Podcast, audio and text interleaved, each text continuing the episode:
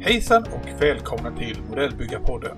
Jag heter Fredrik Håkansson och med mig har jag min gode vän och modellbyggarkollega Christian Lidborg. Hejsan Christian! Hejsan Fredrik! Skönt att vara tillbaka igen och prata med dig.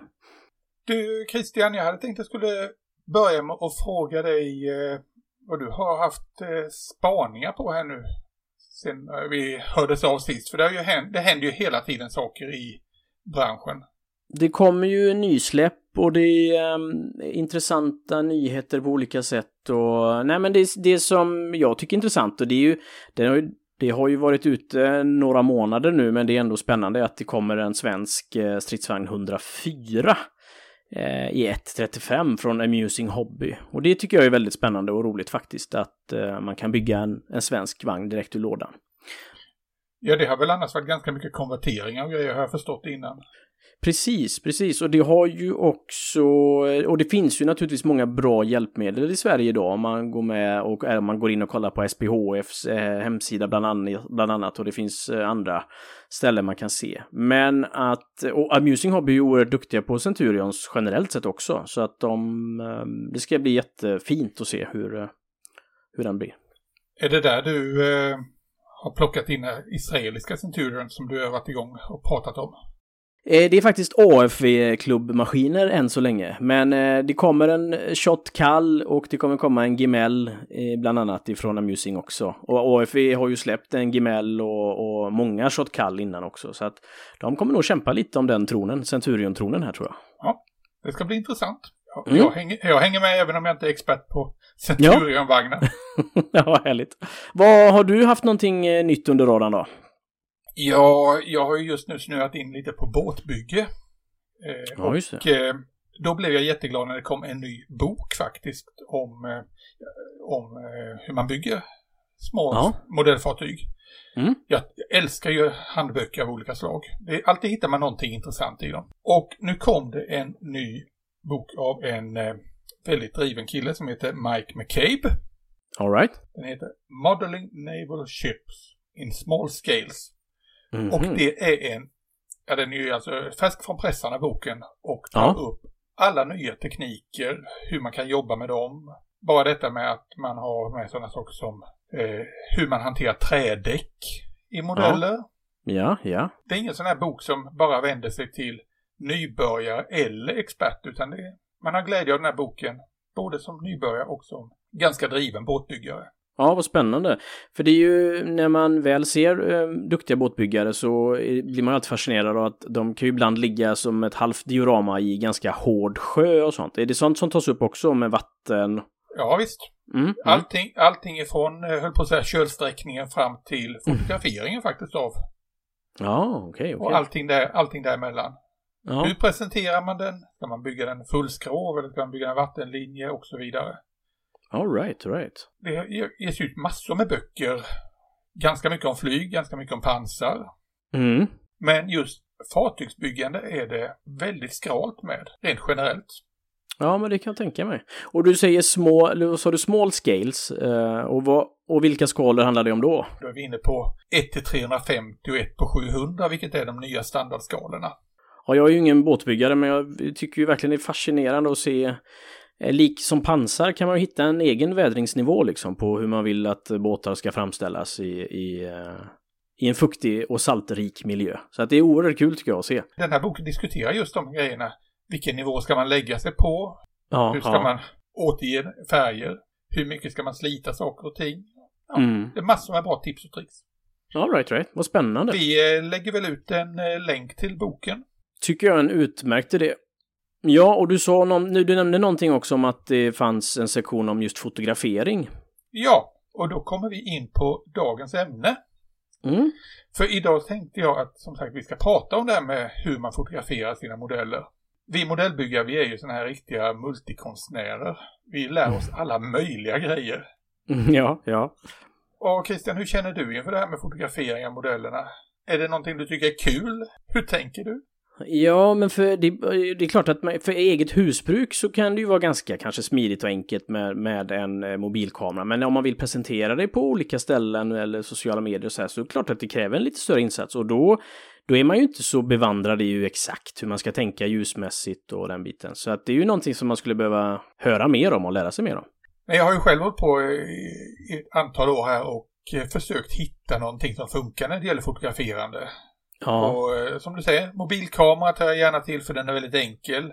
Mm. Men eh, det finns massor med sådana här saker som är ganska svåra som jag tycker är...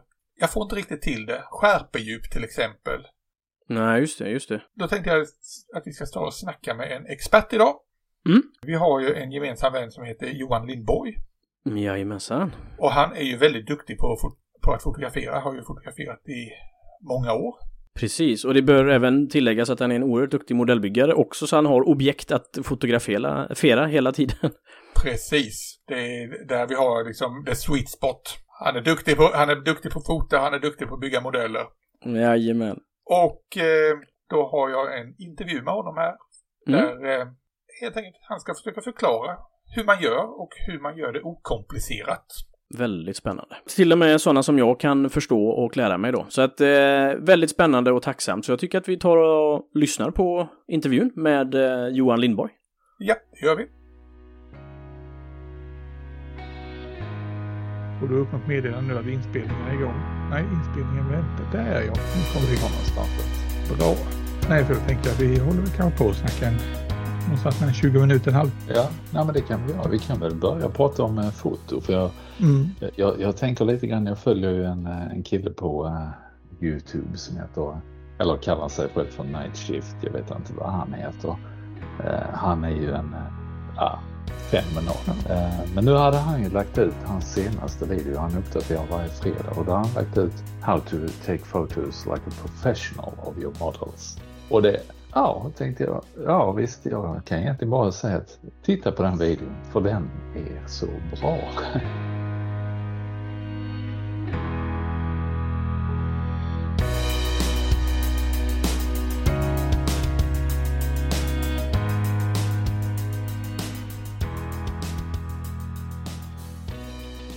Med mig här direkt ifrån eh, centrala Skåne så har jag Johan Lindborg Välkommen till Modellbyggarpodden. Tack så hemskt mycket Fredrik, jättekul att vara med. Ja, jag har ju känt dig här eh, några år. Men för de som inte vet vem du är, vem är Johan Lindborg i modellbyggarsammanhang? Ja, och i övrigt också för den delen. Ja, du, eh, jag är, ja vad ska jag säga, man i 50-årsåldern. Eh, byggde som barn som eh, många av oss som håller på med hobbyn. Och sen hade jag ett långt uppehåll eh, och för ja, lite drygt tre, fyra år sedan så hittade jag tillbaka. Och ja, eh, upptäckte genast att vilken kul hobby det är och så mycket kreativitet det finns i den. Och ja, sen har det blivit en, en hel del modeller under broarna, höll jag på att säga, dess. Så att jag bygger på. Jag är inte kanske sådär jätteduktig på att bygga men jag tycker om att måla. Det tycker jag är skoj. Ja, och det ska vi återkomma till, målandet framöver. Men eh, det jag vill prata med dig om just nu, det är en annan grej som du är väldigt duktig på. Det är fotograferande. Eh, ett av de första eh, minnena jag har av dina grejer, det är ju som sagt att det var väldigt hög kvalitet på dina bilder och sen la du ut en kort, ja, kort och väldigt bra guide på hur man fotade. Om jag inte minns fel. Jo, det gjorde jag nog. Det var nog i samband med, ja, kan det varit förra eller sist när C4 var igång. Eh, det var ju nog första gången vi träffades eh, på, på riktigt och då fick jag ju se dina maskinenkrig och jag, jag kommer ihåg att jag fotade mycket på dem. Jag tyckte de var fantastiska och sen när jag kom hem så så var det liksom de bilderna jag satt och tittade igenom och ja, redigerade lite på dem och sen skickade jag dem till dig. Ja, eh. och då märkte jag ju att oj, här har vi en som är mycket, mycket duktigare än mig på det här med att fotografera. Någon som kan lära mig och alla andra en del bra vad ska jag säga, grundgrejer när det gäller fotande. Ja. Ja, jag kan försöka i alla fall. Mm. Jag, jag, har ju under den tiden när man inte höll på med modellbygge så har jag ju eh, alltså haft eh, det, fotografering som hobby och det har jag nog hållit på med i 20 år. Så eh, själva grunderna i fotograferandet kan jag väl något sånär. Men eh, när det gäller att fotografera modeller så är det ju lite annorlunda för det är ofta att man behöver eh, förbereda. Det är inte som att vara ute och fotografera naturen där det blir spontana bilder. Här är det ju ett, ett planerande och framförallt så handlar ju modell, alltså foto eh, eh kring modeller, det är ljussättning. Eh, ljus är A och O skulle jag vilja säga. Det är det absolut viktigaste. Eh, och ja, man kan ju komma undan med ganska enkla medel och ljussätta en, en bild bra. Ja, vad, be vad, behöver man egentligen för att eh, hur ser grundutrustningen ut? Alltså om vi säger att jag, om vi leker med tanken att jag aldrig fotat mina modeller förut men vill börja lägga ut bilder på ja, Facebook eller bara samla för egen del. Ja, vad behöver jag?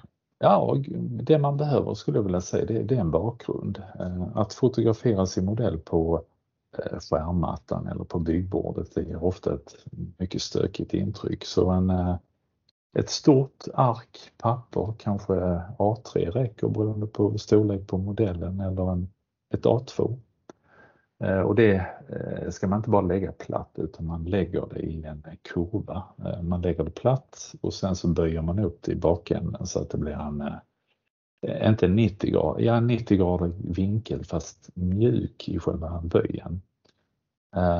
Och då du, du, vill alltså, du vill alltså inte se var kanten går mellan den horisontella och den vertikala delen? Absolut, eh, absolut inte. Nej, jag vill att det ska vara mjukt så att det, det, det ser ut som att det är en intighet. Det finns ingenting bakom, det är bara vitt. Och har man gjort det, eh, då har man en bra början skulle jag säga, för då, då handlar det bara om hur man ska placera ljuset på sin modell. Då är man nästan garanterad en, en ganska så bra bild. Eh, och man kan komma undan med eh, till exempel att man eh, fotograferar i ett söderläge i ett fönster om man inte har massor med lampor. Man kan fotografera alltså, i ett, ett bra ljus vid ett fönster. Dock måste man tänka på att det inte är ett direkt solljus utan man helst ska se till att det är en ja, lite i skugga eller man kan hänga ett lakan för eller någonting sånt så att man tar bort de här eh, skarpa skuggorna som solen ger. Ja, för det tänkte jag fråga, för jag försökte vid något tillfälle här, tänkte att ja, men det var en fin dag ute, jag ska ta och fota mina modeller ute, så jag tog och satte upp det där pappret som du beskriver. Och sen var det ju, bilderna blev så hårda och konstiga, nästan kantiga kändes det som. Ja, så Ja, så får man ofta lite blå färgstick i skuggorna också för att det, skuggorna blir kallare och sen så blir det utfrätta partier på modellen, det vill säga att eh, där finns det ingen information kvar utan det är bara ett, eh, som en spegling, en yta. Det, där är liksom ingenting man ser i det. Så jag hade, alltså, jag hade alltså för mycket ljus. Ja, ja, det brukar man göra det misstaget. Jag gör det också själv ofta. Eh, därför, eh, man kan köpa sådana här dyra, det, kallas alltså blixtar, eh, softboxar och det är typ en lampa och för lampan så är det ett tyg framför själva lampan. Och det det gör det är att den sprider ut ljuset i alla riktningar så att man inte får som en spotlight som eh, obönhörligen kastar ljuset hårt mot din modell utan den sprider ut mjukt. Och har man kanske tre sådana lampor, en framifrån eller snett uppifrån och två från sidorna, då har man täckt upp hela modellen och då har man raderat ut alla de här skuggorna. Eh, jag vet ju många har ju uterum också. Eh, uterum har ju ofta ett sånt här ja, ett eh, kanalplasttak. Och de är fantastiska eh, ljusspridare. De gör att det inte blir de här skuggorna. Eh, har man ett uterum så är det ja, jag fotar nog 90% av mina foton utomhus under dagsljus. Så uterummet i sig är en, ja, det är en riktigt, riktigt bra plats att fotografera på. Så allting alltså som kan alltså så här, diffusera ljuset och, ta, och eh, ta väck det direkta ljuset och göra det indirekt? Precis. Och har man då inte ett utrymme utan man har, eh, som jag när jag sitter och bygger så har jag eh, två stycken IKEA-lampor, de här lite, jag vet inte vad de heter, gammeldags stål, ja, kuper och sådär. De har sett likadana ut sedan 50-talet typ. Du menar vanliga skrivbordslampor? Ja, precis. I med ett par bra glödlampor i dem. Det enda man ska veta är att man ska ha köpa lampor. Då måste man titta på någonting som heter Kelvinvärde. Eh, och Kelvinvärde för dagsljus, jag tror det är 5600 någonting sånt. Eh, har man då sådana lampor i eh, så har man en utmärkt ljuskälla för att fota med. Problemet är om man riktar dem direkt mot modellen på nära håll, då kommer det kasta skarpa skuggor. Men då var det du som sa att man kunde tejpa ett papper framför dem. Ja, jag tog eh, vanligt bakplåtspapper. Ja, bakplåtspapper var det ja. ja. Det var ju ja. brist på annat. Ja, och det gick jättebra. Jag var ja, det funkade. Det Nej, för det, där sätter du ju tummen på en grej som eh, det tog mig flera år att liksom grunna ut just det här. Varför blir alla mina bilder så fruktansvärt gula? Ja, och det är eh, alltså färgtemperaturen då? Det är färgtemperaturen. Ska man eh, hårdra det om man är lite nördig som en annan kan vara när det gäller foto så plockar man gärna fram ett gråkort. Man tar ett foto på sitt gråkort och så ställer man in exakt vilket Kelvinvärde som ljuset är i just i tillfället man fotar. Eh, det är lite mäckigt skulle jag vilja säga. Eh, därför är det rätt bra. Man kan göra det lätt för sig att köpa dagsljuslampor 5600 Kelvin. Mm. Då har du ett normalt dagsljus som inte är gult och det är inte isande blått utan det speglar modellens färger ganska väl skulle jag vilja säga. Ja och eh, det kan jag väl säga när jag letade sådana lampor då var det egentligen bland sådana här växtlampor och liknande jag fick leta för det var ju de som var dagsljuslampor då. Precis, precis. Ofta är det som så, köper man lampor i ja, inredningsbutik så är det lite varmare hållet för det ska vara lite mysbelysning kanske sådär och då, då får man det här gula färgsticket och det är mm. inte, ja, det, det, det ger ett litet svavelaktigt utseende på hela modellen kan jag tycka. Ja, det, är någon, det är någonting eh, som jag har upptäckt när man har rest i Europa att vi i Sverige vi är väldigt glada i det här gula ljuset. Det är vi. Ett väldigt, varmt, väldigt varmt ljus vill vi ha i, i all vår inredning. Det är väl det att vi har en, en lång period med kyla och mörker och just det här trivselljuset, det varma, välkomnande. Men i våra... Då vill du inte ha ett lysrör i taket i det läget. helst inte. Eh, jag gjorde faktiskt ett eh, kardinalfel. Jag byggde om min eh, modellbyggarplats och sen var jag ute på någon sida på nätet som hade massor av LED-produkter och då, då fanns det en hel panel, den var ja, en meter, 1,50 tror jag, lång. Och jag köpte den, kollade inte på Kelvinvärdet och det var typ 3000, det vill säga akvarieljusblått. Så att nej, det, det, var inte vackert att bygga i det. Man blev helt förstörd i ögonen. Då har den åkt väck misstänker jag. Ja, den har åkt väck. Där har vi IKEA-lamporna nu. De är bättre faktiskt. Ja. Ja. Jaha. det var eh. belysning och en bakgrund. Ja, Men det blev fortfarande inte mycket bild av det. Nej, det blir inte det. Vi kommer ju obönhörligen fram till att man behöver en kamera av något slag. Ehm, alla har en mobilkamera idag och jag vet ju att det finns ju eh, eh, ganska, alltså man kan fotografera manuella lägen eh, eller i autoläge, att kameran själv sköter allting och att man kan göra en viss redigering med bilderna i appar på telefonen. Det går ju det med. Eh, det finns ju även moderna mobilkameror som tar eh, RAW-foto, alltså negativ, det gamla negativformatet så att man kan ta in det med all bildfakta. Informationen finns ju kvar i det. Mm. De innehåller alltså mycket, mycket mer information då? Oh ja, oh ja, oh ja. Det är digitalt negativt kan man säga, mm. RAW-filerna. Men då blir, de, då blir de rätt stora också? Ja, en JPEG, den här som vi lägger ut på Facebook eller Instagram, det är ju kanske en bild, låt oss säga att ja, skala för 2000 pixlars bredd som är anpassad för Facebook. Den kanske är ett megabyte medan en RAW-fil kan vara 50 megabyte så att det är en enorm skillnad i storlek på. Det, är det. går att fylla telefon, eh, telefonminnet alltså på nolltid? Ja, typ ganska fort. Eh, men oavsett vad man än väljer att fota med, om man har en eh, systemkamera med någon form av objektiv som passar eller man har en mobil så är det viktigast, tycker jag, det är att man kan fotografera så att kameran är still. Jag använder alltid stativ när jag fotograferar modeller och det är för att ibland så behöver man låta kameran eh, vara öppen, alltså ta bilden under en kanske lite längre tid än vad jag och mina händer har förmåga att hålla kameran stilla. Mm.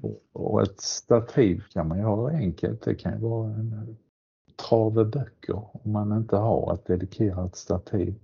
Eh, men har man en riktig kamera så det, det kostar inte många hundralappar att köpa ett billigt stativ. Eh, bara för att använda i de här sammanhangen. Så stativ är någonting jag egentligen rekommenderar. Mm.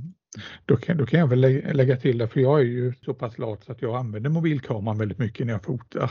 Ja. Och eh, då var ju mitt första problem, ja, jag hade stativ, men hur skulle jag få dit mobilkameran på det? Men det upptäckte jag ju att eh, fästet på, som man sätter kameran i, eller mobilen i på en vanlig selfiepinne. Ja, just det. funkade alldeles utmärkt. Det var samma, eh, eh, vad blev det, kvartumsgänga. Precis, ja. Så det var bara att slakta en gammal selfiepinne som inte användes. Ja, ja, du ser, man är uppfinningsrik när man behöver det verkligen. Ja, vi är ju modellbyggare. Ja, man, man använder allt man ser i sin närhet. ja. Ehm, ja, ehm, har man väl då tagit, eller om man väl ska ta bilden så är det ju det allra enklaste är, det är bara att låta kameran sköta inställningarna. Eh, men då kan det ibland bli att kameran, eh, den är inte eh, där du sätter fokus, då kan den kanske mäta ljuset och är det då att du har en väldigt blå modell, eh, då kanske kameran tolkar det som att ja, alltihopa är blått och då, då kommer liksom det bli ett blåstick över hela bilden. Eller gult beroende på vad det är man fotar. Därför brukar jag liksom rekommendera om man kan så bör man helst fotografera ett manuellt läge. Eh, mm. För då kan man göra de här ljusinställningarna, inställningar på ja, hur eh, snabbt kameran ska ta bilden. Och, ja, jag vet inte hur mycket vi ska grotta ner oss i sådana här saker som bländar och slutar hastighet. Nej, jag, tror, jag tror vi kan skippa en del av det. Ja, yeah, Men du, jag har ett par frågor till dig just när det gäller det här då med, när du har ställt upp kameran och har modellen framför dig på det här vita pappret. Hur nära fotograferar du egentligen och hur mycket runt om? Hur mycket? Ja, helst. För jag, jag, märker ju, jag märker ju det när jag försöker att Särskilt när jag försöker använda en vanlig kamera att jag får ju väldigt kort skärpedjup. Alltså det, det är väldigt lite av, det, av modellen som blir skarp. Ja. Du fotar med en eh, mobilkamera oftast va? Ja, men även när jag ja. använder systemkamera då har jag väl i och för sig bara ett normalobjektiv. Ja. Man eh, köper, har man en, eh, investerat i en systemkamera så brukar man få med ett objektiv och det, det duger ofta mer än väl eh, Eh, till det man ska fotografera. Eh, därmed så ska man kanske tänka på att eh, det finns ju brännvidder på objektiv. Man kan väl säga att med våra ögon så i ett objektiv seende så är det ungefär det man brukar säga 50 millimeter. Så att, att fotografera med ett 50 mm objektiv det är, det är egentligen rätt så bra skulle jag säga för då får man inga att en modell, om du tar med en annan brännbild så kan den se lite warped ut. Att eh, oj, kroppen ser jättelång ut och det beror ofta på att eh, man har fel brännbild så att säga. Mm. Sen kan man egentligen gå hur nära som helst, i alla fall så att kameran kan fokusera. jag brukar tänka att ska man ta en bild så ska man fylla så mycket man kan av rutan som möjligt så att man inte har så mycket, alltså tomma vita ytor runt omkring. Och ibland går det inte och då får man ju efteråt beskära bilden så att man eh, tar bort eh, en hel del av det vita runt omkring. Det ska ändå vara den modellen man fotar i fokus. Eh, ja, för det, där kommer vi, just det med fokus till en annan, då har vi det här problemet. Om man nu märker att ja, det kommer bli oskärpa. Ja. Hur hanterar man det egentligen? Är det... Ja, man kan göra på två sätt. Det ena är att eh, absolut lämna det här autoläget på en kamera, en mobil eller på en äh, systemkamera. Utan istället gå in i ett manuellt läge. På kameran finns det, på alla kameror finns det en inställning som heter bländare. Du kan jämföra med pupillen i ögat. Ju mörkare rum du går in i desto större pupill har man. Eh, är man ute i solljus är den liten. Om man minskar ner kamerans pupill eh, jättemycket, eh, då kallas det F, det betyder bländare, F20 till exempel. Då har du en väldigt liten öppning i objektivet. Ehm, du kan kanske på vissa objektiv kan du blända ner till F25, 26 någonstans. Det som händer då det är att eh, om du tar en bild med ett högt bländartal, då kommer du få ett djup eh, om du, du från början på modellen till slutet hamnar i fokus. Medan om man istället eh, öppnar upp bländaren och har ett lågt bländarvärde F2.8 till exempel, då är det en jättestor stor öppning. Och då blir bara en väldigt liten del av din modell i fokus. Men det är ett problem med detta. Och det är det att eh, om man har ett litet hål, alltså ett högt bländarvärde F20 och däröver, eh, då behöver, alltså en kamera registrerar ljus, då kommer det, du kan inte fotografera lika snabbt eh, som om du har en stor öppning. Tänk dig att du stänger och blinkar med dina ögon och långsamt, det kan, kan man kalla en slutarhastighet. Och, och då, då blir alltså stativet ännu viktigare? Extremt viktigt. Så har man en liten bländare så behöver man ett stativ därför kameran behöver vara öppen kanske en sekund eller två sekunder för att hinna registrera allt det den ska ta in. Så det, ja, det, det är lite att tänka på. Det finns många jättebra sådana här filmer man kan titta på eh, på nätet. Eh, det är bara att söka på sådana här studio, foto, macro och sånt där. Det finns jättemycket bra eh, information. Ja. Men sen när du har tagit den här bilden då, då har vi ju hur mycket efterbehandling behöver, behöver man normalt göra? Eller? Ja, jag, jag skulle vilja säga att man, man ska inte backa för att göra efterbehandling. Det är inget fusk. Jag tycker inte det. Det är inte så att man ska lägga till grejer eller liksom ändra hur mycket som helst. Men, eh, du menar jag ska inte superdetaljera modellen digitalt efteråt? Nej, precis. Jag klistrar in lite sopborstar som han Sven Yang gjorde och jag gör det digitalt istället. Nej. Nej, men man kan ju ändå gå in. Ofta behöver man ju faktiskt i ett foto eh, höja kontrasten lite. Eh, man kan behöva justera. Det som är så bra med ett bildbehandlingsprogram att även om man har gjort en inställning så kanske man kan se på sin bild att mm, färgen är inte riktigt som den är på modellen. Eh, och där finns ju otroliga verktyg för att justera eh, både färgmättnad, nyans, skruva lite på dem så att man kan få det matcha mer med, med det man har fotograferat. Och det behöver man inte ha några dyra program utan det finns väl massor med gratisprogram som funkar alldeles utmärkt och räcker till. Absolut, där finns hur mycket som helst. Eh, jag själv använder eh, Adobes serie Photoshop och Light, mm. men de kostar. Eh, men det är för att ja, jag har fotograferat i många år och är bekväm med dem. Men där är otroliga, otroligt kraftfulla verktyg. Alltså där är GIMP som inte kostar någonting och där mm. är Eh, Lightroom-motsvarigheter. Det är bara att söka. Det, det finns gratis.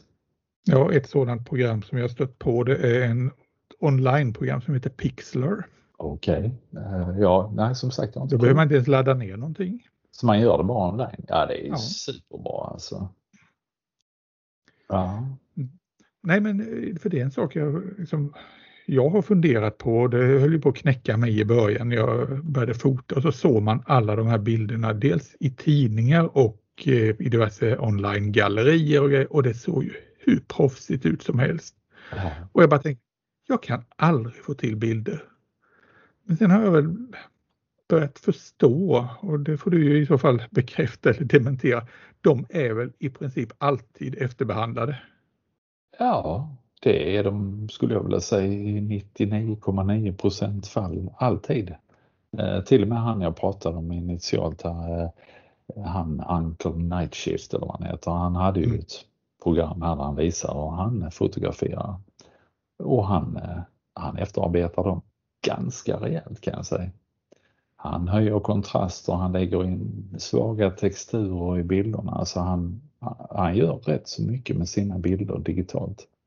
Ehm, men visst, ehm, jag, jag tycker ändå, ska ett, ett foto, när man inte ser det på riktigt, då måste det ändå förmedla lite umf.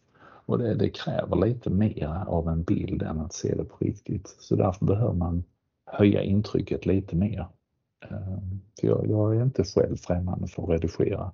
Men man, man ska veta bara att det, någonstans så går det också en, en skiljelinje mellan vad som är smakfullt gjort och vad som är bananas totalt. Ja, och eh, jag höll på att säga det har blivit ännu aktuellare nu under de här pandemitiderna när det har kommit en massa online-tävlingar där man ska skicka in foton på modeller. Och då börjar jag fundera på, okej, okay, hur bedömer man modellerna lika utifrån ja, ja. de förutsättningarna? Det måste väl ja, det, det måste finnas alltså, ett litet problem där. Ja, det är klart det gör. Det, det, måste det göra. Eh, till exempel om du tittar i Photoshop, där är otroliga verktyg för att eh, måla, rita. Du, du vet om du eh, laddar en pensel med lite wash och sen skvätter man på lite såna här fläckar och sånt. Ja, det kan du göra där via Photoshop. Du kan måla streaks med Photoshop. Så du kan ju vädra modellen direkt digitalt och sen ja, slapp jag det problemet. Okej, okay, jag ser en helt ny genre eller gren av vårt modellbyggande. Ja, ja, ja. Du bygger den bara direkt ur lådan utan att kolla eller någonting. Precis som man gjorde när man var sju år. Och Sen gör man resten digitalt. Jag tänkte på en sak till med foto som är något, ett misstag jag gjorde alltså när man hade i början. När man hade fotograferat modellerna så ville man få ut dem på sitt Instagramkonto. Ja, ut med dem där genast och alltid varenda gång jag fick upp bilderna på Instagram eller på Facebook så var det, det såg ut som, ja, jag vet inte vad, gryniga, eh, eh lågupplösta, alltså de såg förfärliga ut. Eh, och det var för att eh, när man är färdig med sin bild och redigerat den så man är nöjd, sparar man. Om man då inte får minska eller minska bildstorleken eh, utan lägger upp den till exempel som min kamera fotar i, jag vet inte vad det är, nästan 7000 pixlars bredd och ja, 5 500 i höjd. Om man lägger upp en sån stor bild på Facebook så kommer den liksom komprimeras och den blir usel. Eh, ska man producera eller vet presentera någonting online då eh, Facebook tror jag har som max eh, om det är 2 500 pixlar i bredd inte mer än så. Så att det kan man skala sina bilder innan man lägger upp dem online. Då ser de mycket bättre ut. Det låter ju som ett jättebra tips för det är sådana saker som man missar. Eller jag tänker ju inte på det. Ja, det tog mig ett halvår innan jag till slut eh, råkade läsa någon mm. som skrev att ja, du måste alltid skala ner dem. Jaha. Men det här sen då med eh, bildformat, för tar man en mobilkamera, ja, som du sa, man kan köra kanske i vissa kameror med RAW-format, men annars får du ut den som en, ja, producera en JPEG-bild. Precis. Men så fort du efterbehandlar, om jag minns rätt, när det gällde JPEG-bilder så eh, komprimerar den om bilden och den blir bara sämre och sämre för var gång du jobbar med den. Jajamensan, det är det som är fördelen med att jobba med RAW. Om du inte till exempel blir färdig med din bild så, så alltså, ligger informationen kvar. Du kan gå tillbaka till hur den ser ut från början. Eh, eh, men en JPEG, för varje gång du gör någonting i den så degraderas bilden.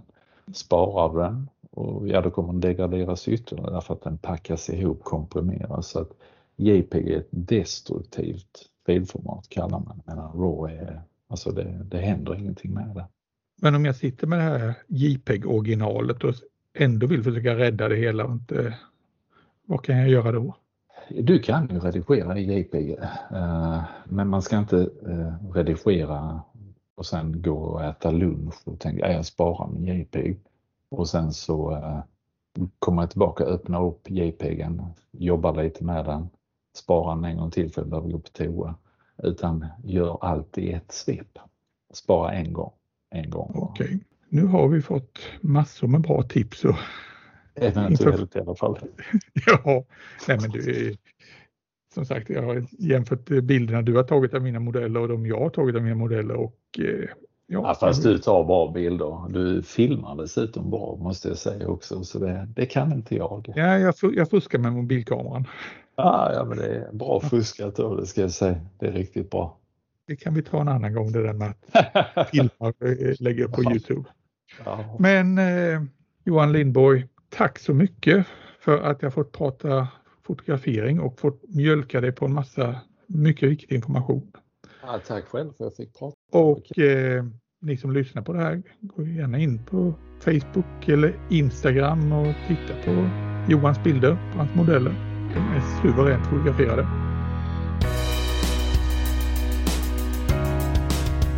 Tack ska du ha.